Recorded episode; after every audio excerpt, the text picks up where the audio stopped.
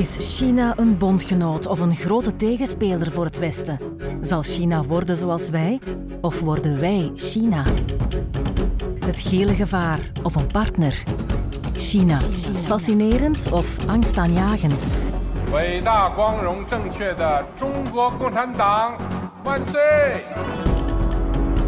Wordt China de nieuwe wereldmacht? Veel vragen, nog meer antwoorden in de podcast het Rijk van het Midden met communicatie-expert Dimitri Stuur.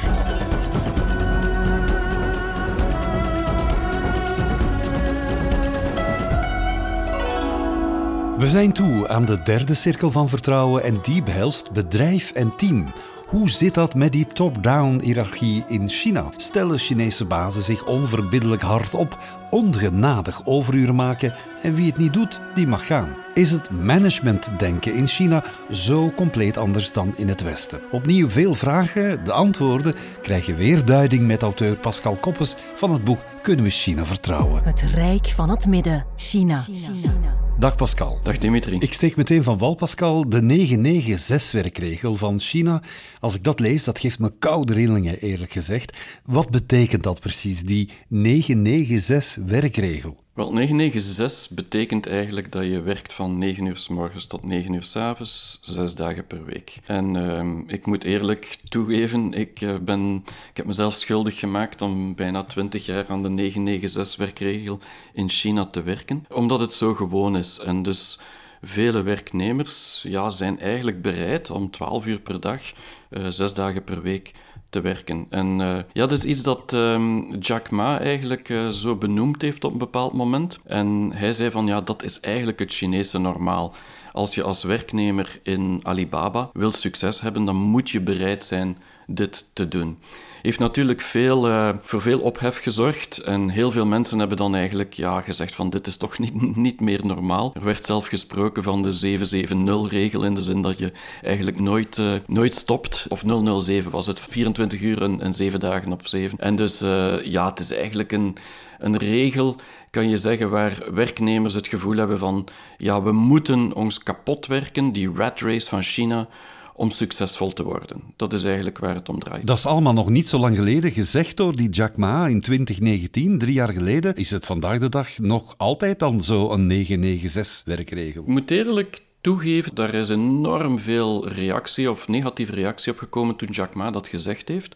Omdat heel veel werknemers, vooral programmeurs, eigenlijk dit niet normaal meer vonden. Maar ook omdat de Chinezen ook zoiets hebben van kijk, we moeten een betere werk-levensbalans hebben. Dit is net zoals in het Westen, komt in China ook, wordt in China alsmaar belangrijker. Maar het is wel zo dat de ambitie van de Chinezen nog altijd leidt tot uh, vaak 996 te willen werken. Nu, ik wil daar wel een voetnoot aan toevoegen. Het is uh, niet legaal om mensen meer dan 40 uren te laten werken zonder ze overuren te betalen. Dus die overuren worden wel normaal gezien betaald. Anders riskeert een werkgever om voor het gerecht gesleept te worden. En dus uh, ja, het is heel hard werken, maar het is niet dat onbetaald uh, hard werken is. Wil je dan zeggen dat de arbeidswetgeving in China intussen toch wel drastisch veranderd is ten opzichte van toen jij in China werkte en woonde 20 jaar terug? Ja, dat is dag en nacht verschil. Je, je kan het niet vergelijken. Niet alleen de arbeidswetgeving, maar ook de executie of de uitvoering van die arbeidswetgeving. Dus in de mate dat als iemand betrapt werd op te veel uren aan zijn werknemers op te leggen, dan is het zo dat je vandaag gerust naar het gerecht kunt gaan.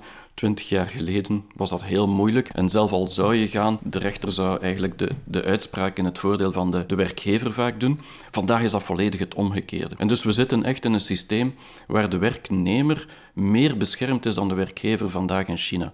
En, en, dat is een beeld dat we niet altijd kennen van China. Maar het andere beeld, dat blijft toch ook nog wel een beetje overeind, denk ik, Pascal. Die hiërarchische commandostructuur, top-down, blijft toch wel kenmerkend voor China. Hè? Heel autoritair, toch? Oh, autoritair, ja, maar ik zou willen zeggen dat eigenlijk de, de structuur van China een stukje gebaseerd is op het verleden van China, de cultuur van China, die op zich vanuit het Confucianisme en het legalisme, dat is de andere grote strekking, eigenlijk sowieso al heel hiërarchisch was. Dus dat is al 2500 jaar dat er een soort structuur is waarbij dat, ja, de, de, de, de baas eigenlijk uh, meer dus respect uh, moet hebben naar de baas toe, maar de baas ook naar zijn onderdanen toe, naar zijn werknemers toe, eigenlijk wel uh, mag bijna autoritair een aantal dingen laten uitvoeren. En, en dat zit gewoon in die confucianistische cultuur, die de werknemers eigenlijk gemakkelijk opnemen binnen de werksfeer vandaag. Dus ja, het is nog steeds een soort commandostructuur. Maar je moet wel zeggen dat dat veel veranderd is in de laatste jaren, omdat er veel meer andere invloeden ook gekomen zijn in die cultuur, die niet meer zijn zoals ze 2500 jaar geleden waren. En dat zijn invloeden van zowel het Westen als invloeden van bijvoorbeeld het Taoïsme, die ook een Chinese invloed is vanuit een, filosofie waar je allemaal moet samenwerken en als netwerken samen sterk staan. Dus het is een combinatie van van alles en nog wat. Hoe zit het met die, die beloftes? Hè? Want ik lees in je boek de sappige uitdrukking een pannenkoek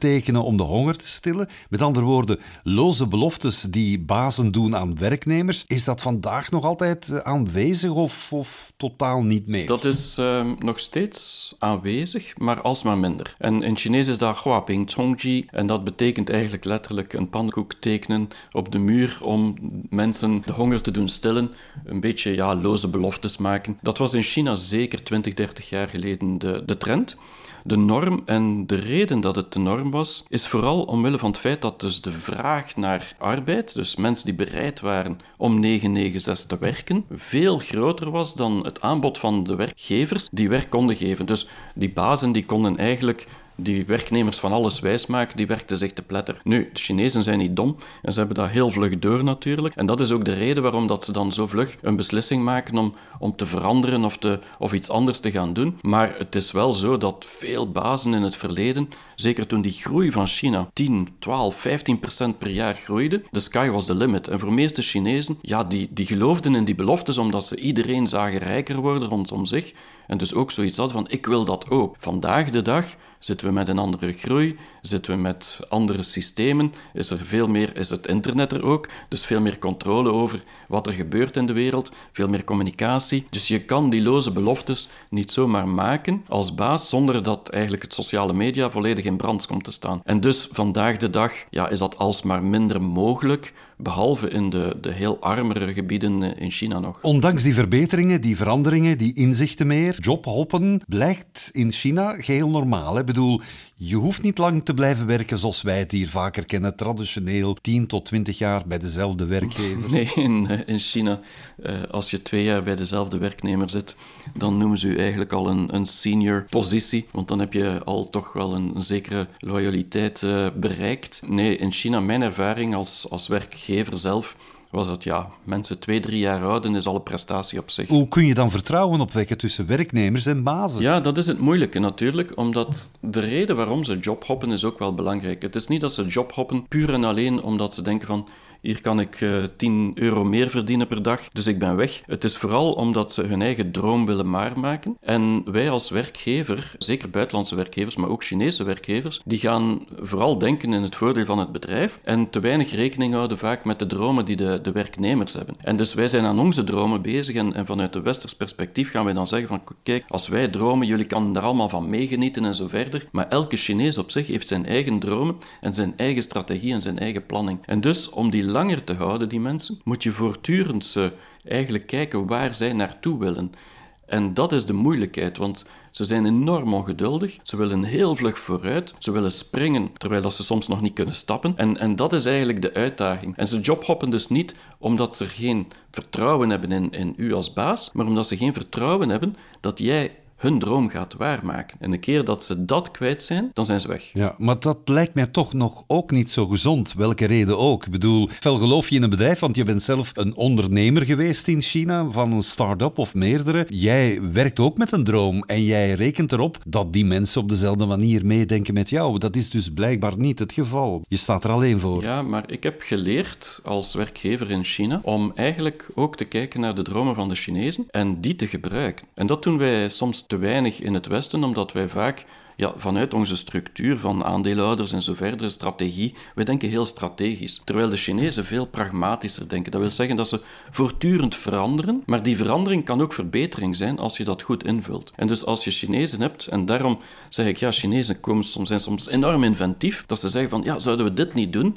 En dan voel je zo van, kijk, ja, strategisch ligt dat misschien niet 100% in de lijn van de verwachtingen wat ik wil, maar laten we het toch proberen. En als dat dan lukt, dan, ja, dan, dan maken ze hun eigen droom waar en helpen ze het bedrijf ook vooruit. En het is dus een soort inspraak die je moet geven, maar dat is niet evident in een, een omgeving waar dat je ja, een hiërarchische commandostructuur als gewoon als norm hebt. Dan ga je niet gaan denken van ik ga mijn werknemers gaan helpen om hun eigen dromen waar te maken. En dus is die balans die moeilijk is te vinden. Ja, of je kan natuurlijk om de twee jaar een nieuwe job, een nieuwe bedrijf opstarten. ja, dat kan ook, maar dat is heel vermoeiend. Maar ik denk dat de, de, de truc eigenlijk, en dat is wat ik geleerd heb in China, is vooral een vertrouwensrelatie creëren met werknemers. En dan op basis van dat vertrouwen samen te kijken hoe dat je samen een droom kunt waarmaken. En dat lukt heel aardig in startups. In grotere bedrijven is dat natuurlijk veel moeilijker. Ja, maar jij bent natuurlijk westers. Hè? Jij hebt dan in China bedrijven opgestart. Maar als we eens kijken naar eh, origineel, als ik het zo mag uitdrukken, Chinese managers, het blijven controlefreaks. Want een mooi voorbeeld dat je in je boek uh, etaleert, gaat over de Chinese verzekeraar Ping An. Maandelijks een key performance indicators met artificial intelligence. Het lijkt allemaal een beetje van werknemers zijn robots. Ja, en dat is uh, zeer zeker zo in, in sommige bedrijven, zoals Ping An, die heel sterk legalistisch zijn van systeem. En legalisme betekent echt, uh, zo, zoals eigenlijk de Chinese staatsapparaat werkt, is van ja, eigenlijk allemaal regeltjes en afspraken te maken en dan die op te volgen. En dus heel veel bureaucratie. En dat is typisch in die hele grote bedrijven, mogen niet vergeten, Ping An heeft 1 miljoen werknemers en agenten. Dat is eigenlijk bijna een leger. Dat is zo groot als het, als het uh, Amerikaans leger, of groter zelf. Groter dan, uh, even groot als het Chinese leger bijna. Dus je moet je inbeelden, als je 1 miljoen werknemers hebt, en agenten, ja, dan moet je daar wel structuur in steken. En zij gaan daar redelijk ver in. Dit is de grootste verzekeraar ter wereld. En wat zij doen, is eigenlijk de gebruik maken van, van technologie om eigenlijk te gaan monitoren hoe goed een werknemers het doen op elk moment. En dat is echt bijna een, een surveillance dat er gebeurt. Natuurlijk, de werknemer moet daarmee akkoord gaan, maar de agenten die, dus de verzekeraars, verzekeringsagenten die daarmee akkoord gaan en die zeggen van ja, ik wil dat uitproberen, die worden echt op alle daden die ze stellen binnen een businessuren gemonitord om te kijken hoe efficiënt ze policen verkopen aan, aan klanten. En daar gaan ze dan artificiële intelligentie op zetten. En zo leer je als werknemer waar je kan verbeteren. En dan gaan ze trainings instellen en ze gaan u helpen om te zeggen bijvoorbeeld, ja, je moet duurdere policen verkopen aan mensen die wat meer geld hebben of dit of dat. En dat lijkt heel eng, maar de meeste Chinezen kunnen daar heel goed mee leven. Waarom? Omdat ze zo ook meer resultaat boeken, meer succes, meer uh, verzekeringen verkopen. En dus vanuit hun standpunt verdienen ze gewoon meer geld. En dus dat monitoren is eigenlijk in hun eigen voordeel. En uiteraard in het voordeel van Ping aan. Het ruikt heel, heel sterk naar kapitalisme als ik het zo hoor. Het is heel kapitalistisch. Eh, het grote verschil is dat technologie hier echt ingezet wordt om de efficiëntie tot op een maximum te gaan bereiken, maar ook dat het een persoonlijke invulling krijgt. En het gaat dus echt over het monitoren van, van mensen, monitoren van acties, waar wij in het Westen, ja, wat privacy betreft, zeker een probleem zouden mee hebben. Maar als het resultaat ernaar is, merkt men in China zeker dat de meeste mensen daar toch wel bereid toe zijn om dat te doen. Ja, ik zie het nog niet meteen toegepast in het Westen, want als ik daaraan denk, eh, wij hebben dat jaarlijks eigenlijk. Een, een monitoring assessment heet dat. Bij zo'n bedrijven daar gaat het om een dagelijks assessment dan. Ja, het gaat over dagelijks assessment en voor het management zijn maandelijkse KPI's. En het, het grote verschil in dat systeem, nu dat is één van de systemen van China, dus dat is het legalistische systeem noem ik dat, is eigenlijk dat die technologie een stukje gebruikt wordt om eigenlijk de subjectiviteit van de mens, de HR-manager, eruit weg te halen. En dat is eigenlijk de problematiek in China, namelijk dat omwille van die relatiecultuur die China eigen is, dat mensen eigenlijk vlug gaan mensen die ze meer vertrouwen of beter kennen gaan voortrekken op anderen. En om dat tegen te werken, dat systeem van eigenlijk uh, bevoorrechte daden of, of, acties, gaat men uiteindelijk technologie inzetten. En het is dus eigenlijk ja, een, een, een, meer humanistisch systeem om eigenlijk de corruptie eruit te halen. Nu stel dat je als Chinese werknemer toch niet akkoord gaat met wat bijvoorbeeld de Chinese verzekeraar daar doet met zijn personeel, mag je dan staken in China? Wel, in China mag je staken, dus stakingen zijn niet illegaal, maar je moet een bedrijf hebben van minstens 25 werknemers om een vakbond op te richten. En eens je 25 werknemers hebt, dan kan je een vakbond oprichten. En die vakbond die kan dus stakingen instellen. Nu, die moet je wel aanvragen. Je mag niet illegaal gaan staken, dus je mag een bedrijf zomaar niet platleggen. Wat je wel mag doen, is die aanvragen. En meestal als dat gegrond is. En daarmee bedoel ik bijvoorbeeld een werkgever die het betalen van overuren niet respecteert, of die bijvoorbeeld zijn werknemers uh, dingen laat doen die niet veilig zijn. Dat zijn redenen waarbij dat je als vakbond echt uh, kan ingrijpen en dan kunnen, gaan mensen op straat komen. Maar het is niet zoals bij ons dat we, zoals in Brussel, duizend betogingen per jaar hebben, of dat we bedrijven van de ene dag op de andere of het publiek transport platleggen. Het is veel meer gestructureerd en veel meer gerelateerd op de wetgeving en minder op het, het negociëren naar betere lonen of betere condities. Dat is iets dat meer individueel gebeurt in China. En als staken niet meteen helpt, dan zet men vooral sociale media in, heb ik gelezen in jouw boek. Ja, dat is de sterkte van China. En, en ik denk dat we daar eigenlijk nog iets kunnen leren uit China. Omdat ja, als een bedrijf zoals Meituan, uh, dat is een, een delivery bedrijf zoals Deliveroo, dan zie je dat ja, die eigenlijk die werknemers gigantisch veel uren moesten kloppen enorm snelle leveringen moesten doen. Allemaal gefocust, allemaal door een artificiële intelligentiemachine die eigenlijk ervoor zorgde dat ze niet meer normaal konden functioneren. En dan gaat de hele sociale media in vuur en vlam gaan staan en helemaal eigenlijk dat onrecht aankaarten. En dan heb je plots tientallen miljoenen netizens die gewoon online zeggen van dit bedrijf zit met een probleem, dit bedrijf is niet goed, we gaan allemaal stoppen om die leveringen bij Meituan aan ons deur te laten komen. En dan heb je natuurlijk een enorme druk. Dus de druk vanuit China China voor de werknemers is vaak via de sociale media, minder via de vakbonden. En voor grote bedrijven, zeker de Alibaba's en Tencent, heeft dat een veel grotere impact. Als ik dat vergelijk met een Amazon of een Ryanair of een Uber, die hebben ook problemen met werknemers die te veel werken, te weinig verdienen en zo verder. Maar op sociale media hoor je daar weinig van en mensen gaan daarvoor niet minder de Uber nemen of minder van Amazon kopen. Dat gebeurt in China wel. Ja, ja, ja bij ons is inderdaad sociale media eerder een soort van uitlaatklep over andere dingen, eerder polariserend over totaal andere thema. Die managementstijl in China, zeg je duidelijk, is aan het veranderen. Maar er is ook een reden voor dat men daar toch aanvankelijk anders denkt. Niet alleen de, de historiek, de geschiedenis, de cultuur. De Chinese consument, zeg je, ja, die is ook heel veel eisend. Je kan bijna niet anders dan ja, dit helse ritme aanhouden binnen een start-up, binnen een gevestigd bedrijf. In China is de, de klant keizer, zegt men vaak. En dus als je als consument daar bent, ja, zeker op sociale media, heb je enorm veel macht. Maar ook daarbuiten, gewone klanten, die gaan eigenlijk enorm veel eisend zijn naar hun leveranciers toe. Ik ben zelf een start-up geweest, uh, jaren, 15 jaar lang in China. En telkens als wij een levering moesten doen, ik kan u verzekeren, die Chinezen, de kopers eigenlijk, mijn klanten, ja, die vroegen de meest onmogelijke dingen. En dus het is echt wel een kwestie van die grenzen goed te bepalen van in het begin van wat kan en niet kan, want anders vragen ze alsmaar meer, meer, meer, meer, meer. En ze gaan ook, ze zijn enorm ongeduldig.